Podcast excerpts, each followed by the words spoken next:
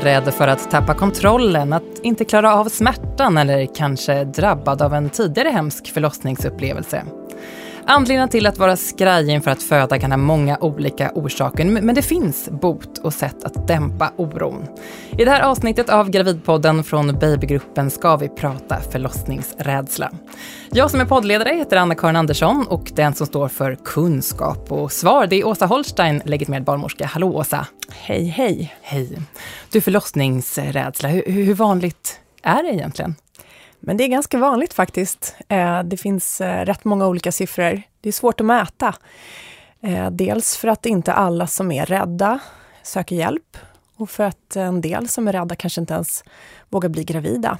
Men man säger att en av 20 kvinnor har en svårare form av förlossningsrädsla och så många som en av fem är rädda för att föda.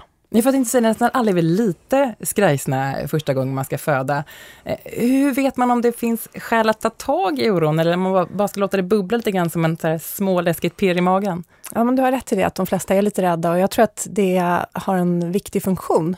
Det förbereder oss för vårt kommande föräldraskap. Man är tvungen att tänka över hur man ska bli som förälder och um, hur det ska bli i parrelationen. Och man är tvungen att bearbeta de här känslorna inför sin kommande förlossning. Men jag kan säga så att om man är så rädd så att det påverkar ens vardagliga liv i form av eh, ökad ångest kanske, då rekommenderar vi att man söker hjälp, professionell hjälp. Men, men du menar att det faktiskt kan vara något positivt med att vara rädd för att föda? Ja, men det tror jag att det är. Jag är helt säker på det. Att den här rädslan hjälper oss i vår förlossningsförberedelse. Mm. Åsa, du är ju förlossningsbarnmorska. Eh, om jag är rädd när jag kommer in för att föda, hur, hur kan det då påverka eh, min förlossning? Ja, eh, om vi är rädda så påverkar det vår kropp på så sätt att vår halt av stresshormoner ökar. Och stresshormonerna och det här oxytocinet som gör att vi får verkar, de jobbar inte särskilt bra ihop. Så det kan faktiskt bli så att man får ett långdraget verkarbete. Plus att man, om man är väldigt rädd så kanske man inte får en positiv förlossningsupplevelse heller, mm. rent mentalt. Du själv som sitter på den professionella kunskapen och inblicken, eh, hur, hur var tankarna kring ditt eget födande? En sån som du kan väl inte vara rädd, eller? Tänk om det vore så bra att man kunde immunisera sig mot det, men ja. det funkar inte så. man är ju en professionell person och en privat person. När jag födde mitt första barn då var jag sjuksköterska, visste att jag ville bli barnmorska men var inte färdigutbildad. Jobbade med för tidigt födda barn. Eh, jag läste på allt som fanns att läsa. Jag kunde varenda hormon, jag kunde varenda stadie under förlossningsskedet rent medicinskt. Jag hade inte förberett mig på något sätt mentalt. Jag hade inte funderat på vad som gör mig rädd, hur jag kan hantera den rädslan, vad som händer om jag känner mig utelämnad. Eh, rent medicinskt sett, om man tittar på journalen, så var det en snabb, okomplicerad förlossning. Ehm, min upplevelse var helt annorlunda jag ska inte säga att jag var traumatiserad, för det är ett alldeles för starkt ord, men jag var helt klart eh, rejält omskakad, på gränsen till chockad efter jag hade fött. Det gjorde mycket ondare än vi hade trott. Eh, hamnade hela tiden under hela verkarbetet i ett tankeläge där jag kände att jag kan inte, jag vill inte. Eh, och trodde på slutet på riktigt att jag skulle dö, fast jag ju intellektuellt förstod att jag skulle inte göra det, men det var den starka känslan som jag bar med mig. Mm. Så till min andra förlossning så fattade jag att jag var tvungen att förbereda mig på ett annat sätt eh, på ett mentalt sätt, på ett bättre sätt. Vi ska snart gå in på vad som kan ligga till grund för förlossningsrädsla och vad man kan göra åt det. Men jag tänkte att du först skulle beta av den här programpunkten Sant eller falskt. Är du med på det, Åsa? Helt med. Kör.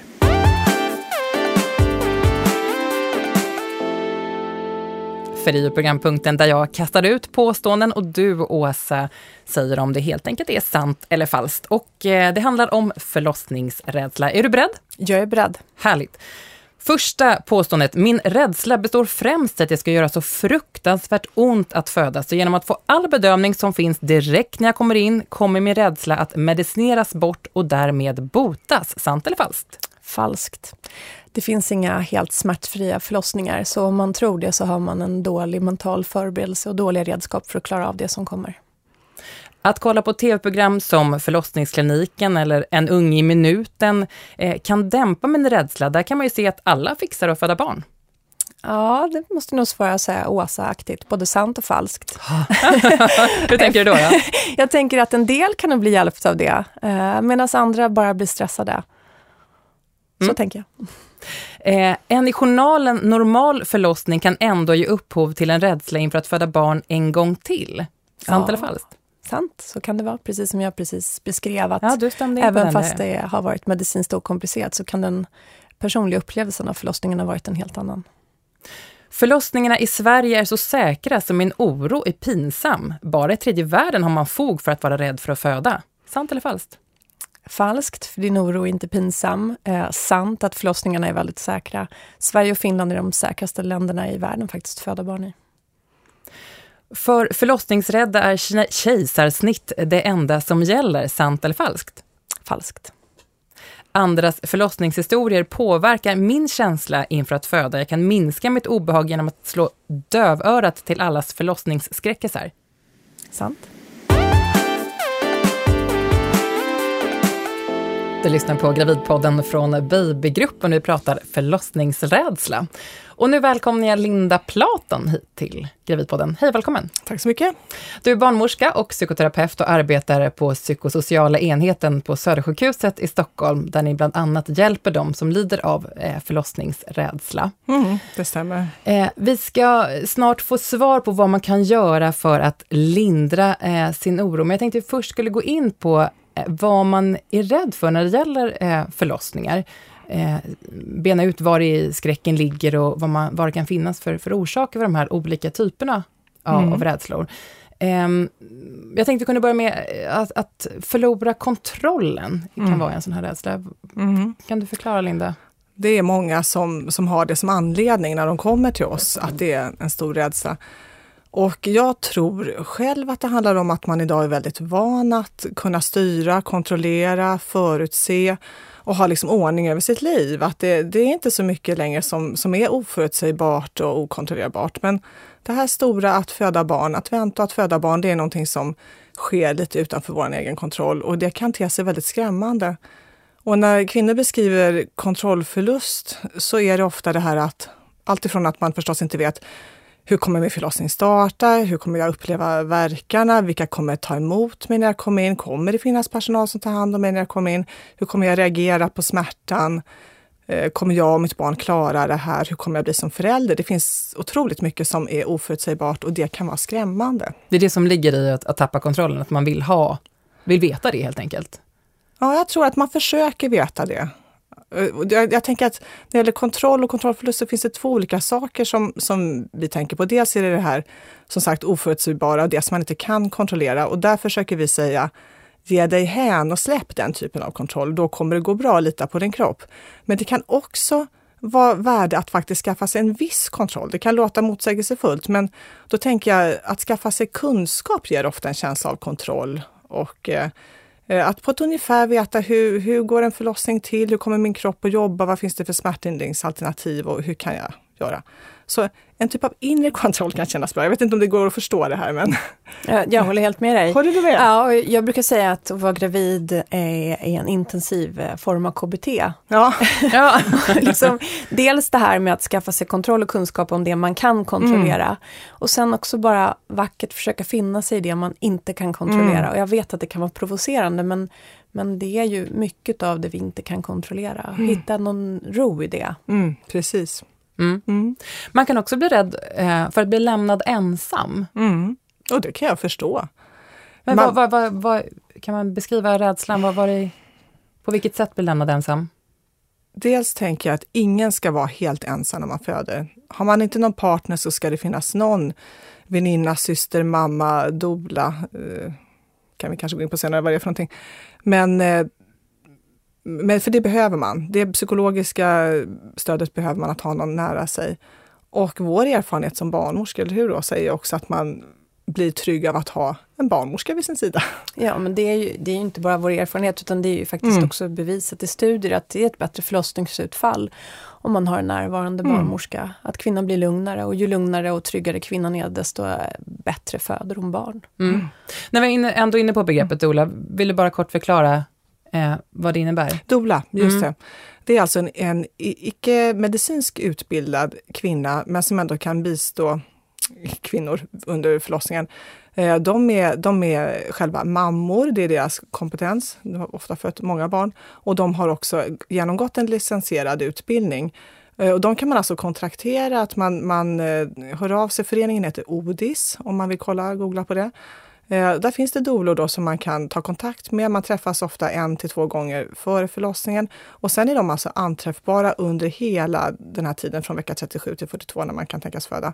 Är med under hela förlossningen och sen också ett besök efter brukar det vara som en stödkvinna, som, som finns med, som andas, slappnar av, berör, för, för både, för paret alltså, för kvinnan och mannen. Då. Eh, rädsla för att det ska göra ont är eh, en annan eh, oro som man kan ha inför att föda. Mm. Ja, verkligen. Den brukar vara väldigt central. Och jag tror att det är lite samma sak där, att vi, vi är ovana vid smärta. Vi förknippar smärta med fara, eh, att jag är sjuk eller ska medicineras eller vårdas eller söka vård. Men eh, förlossningssmärta är den enda smärtan som faktiskt är funktionell och naturlig.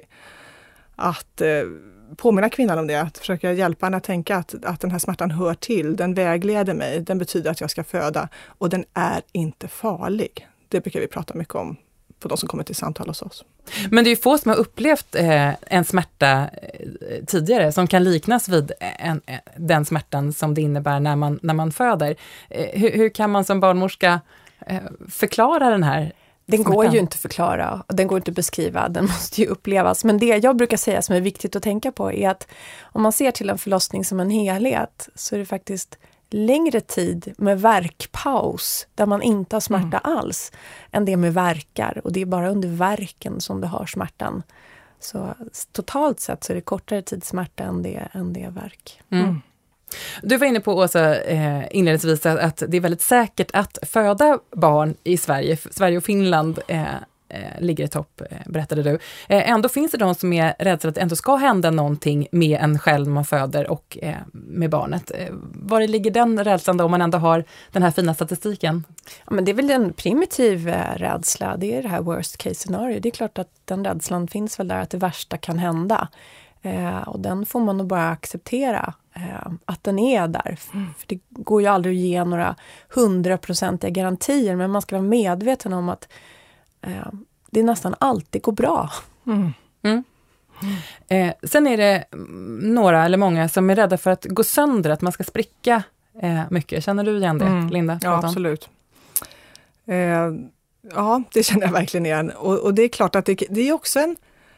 Det är inte konstigt att förstå heller, det, det kan kännas makabert att min kropp kommer gå sönder för att jag ska föda fram det här barnet det, det, det, vissa kan vara hjälpta av att man är väldigt praktiskt förklarar att just eh, om det är så, att de flesta förstföderskor spricker något, eh, att när, när, det, när det sker så kommer du inte känna det. Att eh, där är faktiskt bebisens huvud eh, nere och gör det här området liksom ganska blodtomt och, och utan känsel för just den typen av smärta. Så det kommer du inte känna. Och är det så att vi behöver sy dig så ska vi självklart ha fullgod bedövning efteråt.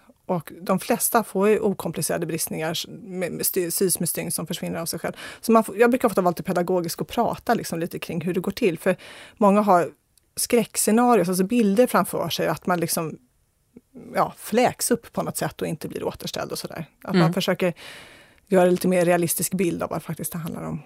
Ja, det känner jag igen mig att jag hade bilden av att det var det som skulle göra ont, mm. precis som du säger, det är inte det som gör ont. Nej, inte, inte märkte jag det när jag väl höll på där, utan det var ju, no, det var ju en, annan, eh, en annan smärta som var fullt upptagen med. Mm. Eh, och det är precis som Linda säger, att det tillhör normal förlossning, framförallt för förstföderskor, att man går sönder lite grann. Och då ska man tänka på att slemhinnan i slidan mm. är lika väl genomblödd som munslemhinnan och läpparna, så att läkningsförmågan är fenomenal där nere. Um, och precis som Linda säger, att när barnets huvud står där och pressar och det nästan är färdigt med själva förlossningen, då, då det är inte den smärtan man känner. Mm.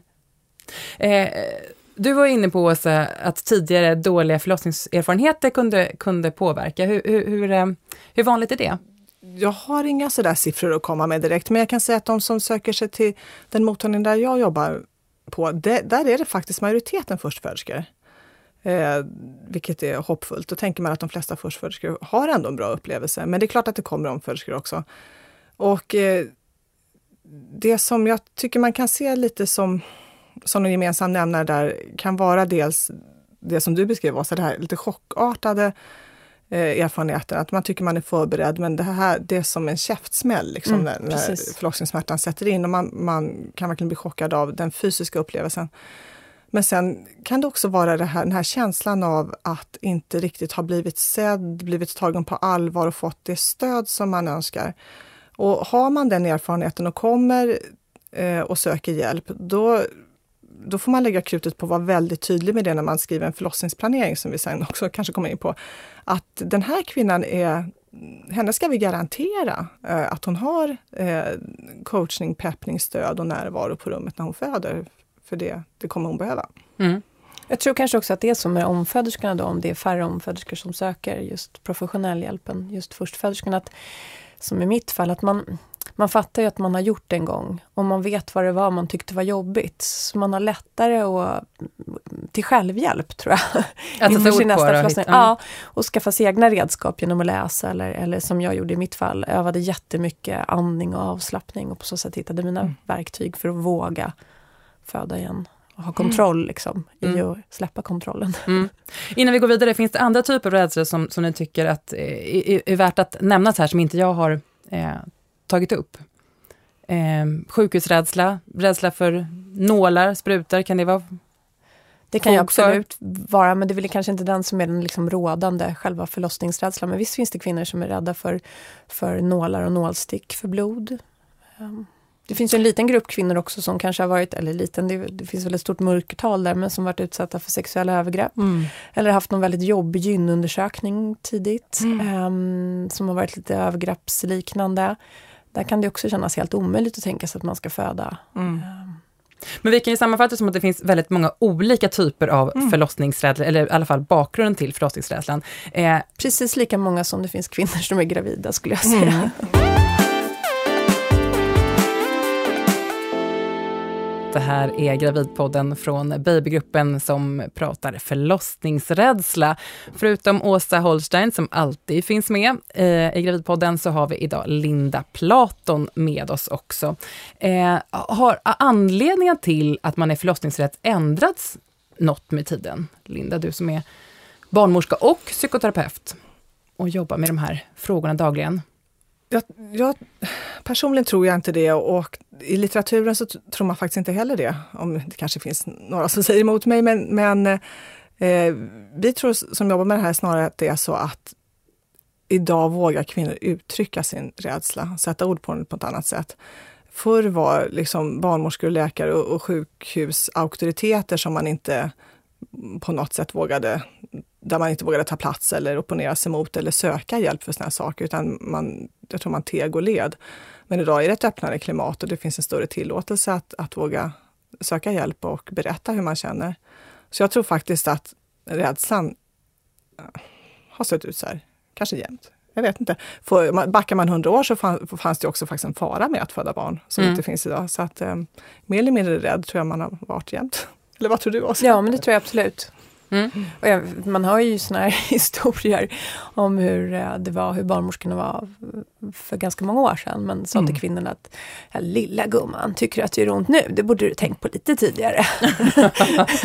så att jag vet inte, det har funnits precis som som Linda säger, en hierarkisk kultur. Mm.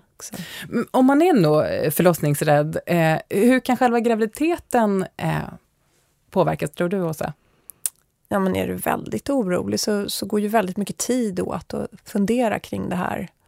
Hur ont ska det göra? Hur ska jag göra? Och, och mm, det kan ju bli ganska stressande. Tänkte du själv att dina graviditeter påverkades på grund av din första upplevelse när du Ja, men första, först, första, jag var inte så orolig, jag tänkte att jag skulle klara av det. Så men jag tänkte bra. med andra graviditeten, att du tänkte annorlunda då med tanke på Ja, jag var ju lite oroligare, men å andra sidan så hade jag ju ett barn som jag kunde ägna min uppmärksamhet åt, så det är också enklare att inte gå in i de där tankarna på samma sätt som man kan göra när man väntar första barnet. Då har man ju mycket mer tid mm. eh, att tänka kring sin graviditet. Eh, för andra och tredje gången så går graviditeterna snabbare, för man hinner inte riktigt. Det är så mycket annat som man har för händerna hela tiden.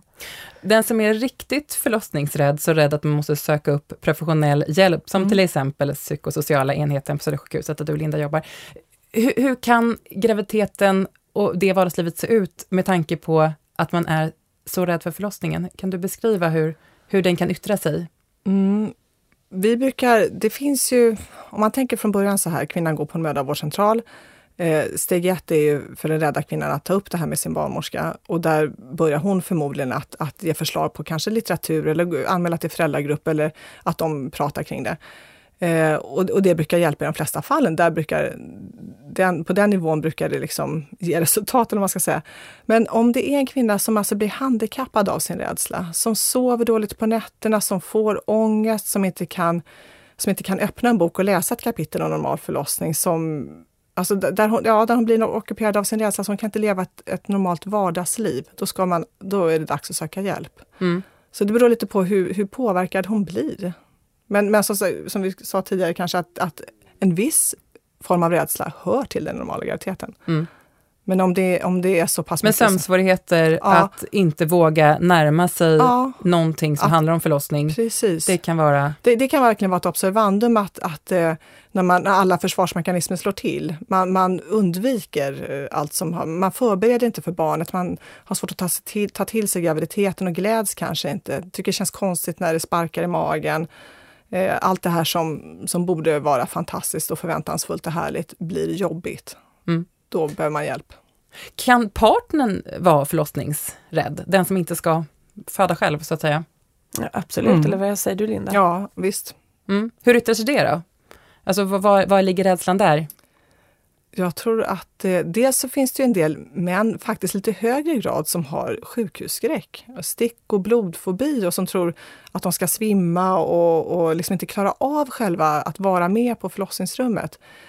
Eh, det kanske inte handlar så mycket om förlossningsrädsla egentligen, men, men eh, jag tycker män är lite överrepresenterade när det gäller den typen av rädsla. Och då kan de ju vara väldigt osäkra på hur kommer jag kunna vara ett stöd här inne? Jag är den som ska liksom stötta min kvinna och ja, visa vägen på något sätt men inte riktigt fixa det. Och här är ju lika viktigt att mannen eller en partner, om det är en kvinna, mm. eh, vågar verbalisera sin rädsla och också att man vågar prata om att man kanske ska ha med sig en annan, en dola mm. eller en, en vän som kan vara ett extra stöd under förlossningen. För det är inte Alltså det är när det blivit så att, att de blivande mm, fäderna eller medmödrarna eller hur man nu har i sin familj måste vara med. Det är liksom det som är mm. kutym. Så det lämnas inte utrymme åt att man kanske inte känner att man är det bästa stödet. Så var ärlig. Um, mm. Det är mitt råd. Mm. Eh, jag och så har jag bara haft en man, förlåt att jag avbryter, mm. jag har haft en man under alla mina år som faktiskt har svimmat under en mm. förlossning. Han var 2,05 och hade lågt blodsocker. så det är ju och jag inte har inte träffat någon. Nej, Nej, Så det är liksom, det är också en sån här, apropå att skaffa sig kunskap, att det här är en sån här mm. rädsla som inte är befogad, för det händer nästan aldrig. Mm. Eh, jag har en, en uppfattning om att, att många som är förlossningsrädda vill ha kejsarsnitt. Eh, känner ni igen det? Ja, det, jo absolut. Eh, och där, eh, det tror jag är lite en myt. Och det, det tror jag att, eh, jag tycker man hör det sådär, jag vet inte riktigt i vilka sammanhang, men att Ja, ja, idag kvinnor tål ingenting. De kommer in och beställer kejsarsnitt. De vill inte förstöra sitt underliv eller de orkar inte utstå smärta eller sådär. Och det är inte min bild. De som söker till oss är i nöd. De, de är, är förtvivlade och rädda och vill ha hjälp för att föda sitt barn. Och det kan lika väl vara eh, alltså vaginal födsel eller kejsarsnitt. Det är inte så att de kommer och, och slår näven i bordet och säger att nu vill jag ha ett kejsarsnitt. Utan det kan verkligen vara hjälp mig att våga föda vaginalt. alternativt kan ju bli hjälp mig att våga göra ett kejsarsnitt också. Men att alla rädda vill bli snittade, nej jag håller inte med om det. Nej. Eh, men, men det har sett väldigt olika ut i landet och ändå varit en diskussion om det här med, med, med kejsarsnitt. Eh, och man har ändå fått uppfattningen om att eh, från medicinskt håll så, så förespråkar man en, en vaginal eh, förlossning. Eh, varför då, när jag har nu två, två barnmorskor som, som kan svara på frågan? Det, det gör mig om, inte, om det inte är medicinskt indicerat att göra ett kejsarsnitt så är det inte någonting som vi rekommenderar. För det är både på kort och på lång sikt större risker både för mamman och mm. barnet att göra ett kejsarsnitt. Och det är därför. Det är inte för att vi tycker att alla kvinnor ska föda vaginalt, utan det är för att det är medicinskt säkrare att föda vaginalt, mm. både på lång och kort sikt. Om jag vänder på frågan då, kan det vara en, en lösning att göra ett kejsarsnitt om jag är så rädd för att föda vaginalt? Det kan det. Det är absolut, det är inte så vanligt, men det kan verkligen vara, men det är ingenting som man beställer, liksom, inom citationstecken då, utan då kan det föregås av att man har träffat kanske både barnmorska, kurator och läkare och att man har fattat ett gemensamt beslut om att det kanske är så att det här det, det, är allt för ångestskapande för dig eller för traumatiserande beroende på vad man kanske har för erfarenheter sedan tidigare i livet som har varit svåra att, att eh, genomgå en utmaning som den det är att föda, utan här gör vi ett planerat kejsarsnitt.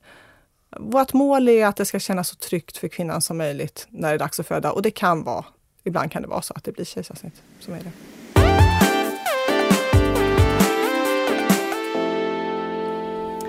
Då ska vi eh, strax gå in på vad man kan göra för att dämpa sin förlossningsrädsla. Men först är det dags för programpunkten Åsa svarar.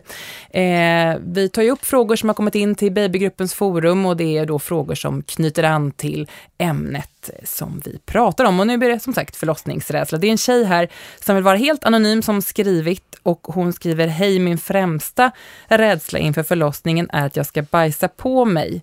Är det vanligt att bajsa på sig? Kan jag göra något för att undvika att det händer? Åsa, vad säger du? Vad bra att du har identifierat den här rädslan i min första reflektion. Och min andra reflektion är att eh, det är en vanlig rädsla. Är det det? Eh, ja, det är det. Det är många som tycker att det känns väldigt jobbigt. Eh, fysiologiskt så är det ju så att slidan och ändtarmsöppningen är nära varandra. Um, och när barnets huvud kommer så kommer det automatiskt pressa på ändtarmen och där finns det oftast lite avföring kvar, även fast de flesta kvinnor drar igång med sin förlossning, kanske med att vara väldigt lösa i magen. Det kan vara ett av de första tecknen på att förlossningen sätter igång. Så många kvinnor har redan tömt tarmen, så det finns inte särskilt mycket liksom bajs kvar. Men lite, lite avföring kommer oftast när barnets huvud föds fram. Eh, och det är ju faktiskt bra för barnet att få lite, lite såna bajsbasilusker i sig. Det är bra för barnets tarmflora, säger man. Mm -hmm. eh, där ser man faktiskt skillnad på kejsarsnittade barn och barn som är vaginalförlösta. Att kejsarsnittade barns tarmflora kommer igång senare. Eh, om man är sådär riktigt, riktigt rädd för att bajsa på sig, att man känner att man inte kan komma över det, att det blir ett hinder, ja, då skulle jag rekommendera att man tar ett lavemang och att man tar ett lavemang med fördel när man kommer in till förlossningen i ett ganska tidigt förlossningsskede. Och på så sätt så har man tömt tarmen. Och då säger man till om det ja, när man kommer dit? säger man till om det. Och mm. tänker man att man ska skriva ett sånt här förlossningsbrev som vi har pratat om i tidigare program, då är väl det här en ypperlig sak att skriva det här förlossningsbrevet. Att jag känner mig väldigt rädd för att bajsa på mig. Eh, jag vill ha ett lavemang. Nu framgår inte av brevet här eh, hur, eh, hur rädd eh, den här tjejen som har skrivit eh, är just... Eh, men, men, kan en sån eh, ja, liten genant petitess som att bajsa på sig vara eh, en, en, riktig, en riktig rädsla att ta på allvar? Ja men absolut. Alla rädslor ska man ta på allvar. Det är enda sättet att hantera rädslorna. Det är ingenting som man bara viftar bort, utan man måste ta det på allvar. Det är viktigt.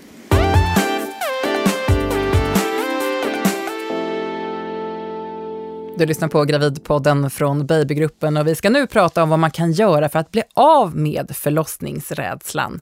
Eh, barnmorskan och tillika sidekicken Åsa Holstein är med som vanligt och så har vi kryddat med ännu mer expertis i frågan i form av gäst Linda Platon, barnmorska och eh, psykoterapeut. Eh, barnmorskor, eh, om jag på egen hand ska bota min rädsla, i, i vilken ände ska jag börja då? Vad säger du, Linda? Jag skulle säga att börja med att erkänna den för dig själv. Strategin att tänka det här är bara några timmar i mitt liv eller det här har kvinnor gjort i alla år kan lindra för stunden men det håller inte i längden. Utan eh, upp med den, lägg den på bordet, prata med din partner, prata med din mödravårdsbarnmorska som kan fylla en, en viktig uppgift där i att hjälpa dig att sortera de här rädslorna lite. Det kan vara bra att skriva ner dem eh, för att eh, man kan tycka att det känns kaotiskt och, och man vet inte riktigt vad som är det ena och det andra. Eh, och skaffa sig kunskap, för min erfarenhet är att kunskap ger trygghet till en viss mån. Alltså man ska inte bli någon liten barnmorska eller doktor, men, men ändå liksom förstå lite vad det är man har framför sig. Och det tycker jag man gör bra genom att eh, gå på mödravårdens föräldrautbildningar, eh, gå gärna någon profylaxkurs och, och, få ett verktyg att jobba med andning och avslappning.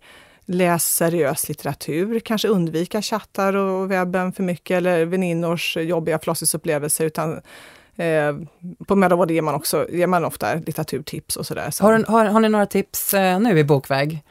Jag tror vi båda har ja, samma. samma, men gud vad bra, det känns så väldigt trovärdigt också. Vilka, vilka två böcker ska jag läsa då? Ja, jag brukar rekommendera Att föda med Gudrun Abascal. Mm. För den är, den är skriven av en extremt erfaren barnmorska som eh, den är, den är klok liksom och känns trovärdig och, och bra. Och sen eh, brukar jag också föreslå en bok som, som är lite mer hands-on när det gäller att träna, men också ett tänk. Och det, det är Föda utan rädsla heter den, av Susanna Heli som är sjukgymnast och dola. Mm. Och du också tycker samma böcker är bra, då måste det ju vara. Ja, Dag, dagen. någon annan ninna, också. ninna, ninna. eh, på vilket sätt kan, kan partnern minska eh, rädslan då? Man vill ju inte ha en partner som bara säger ja, ja, lilla vän, det kommer nog gå så bra det här. Nej, varför inte det då?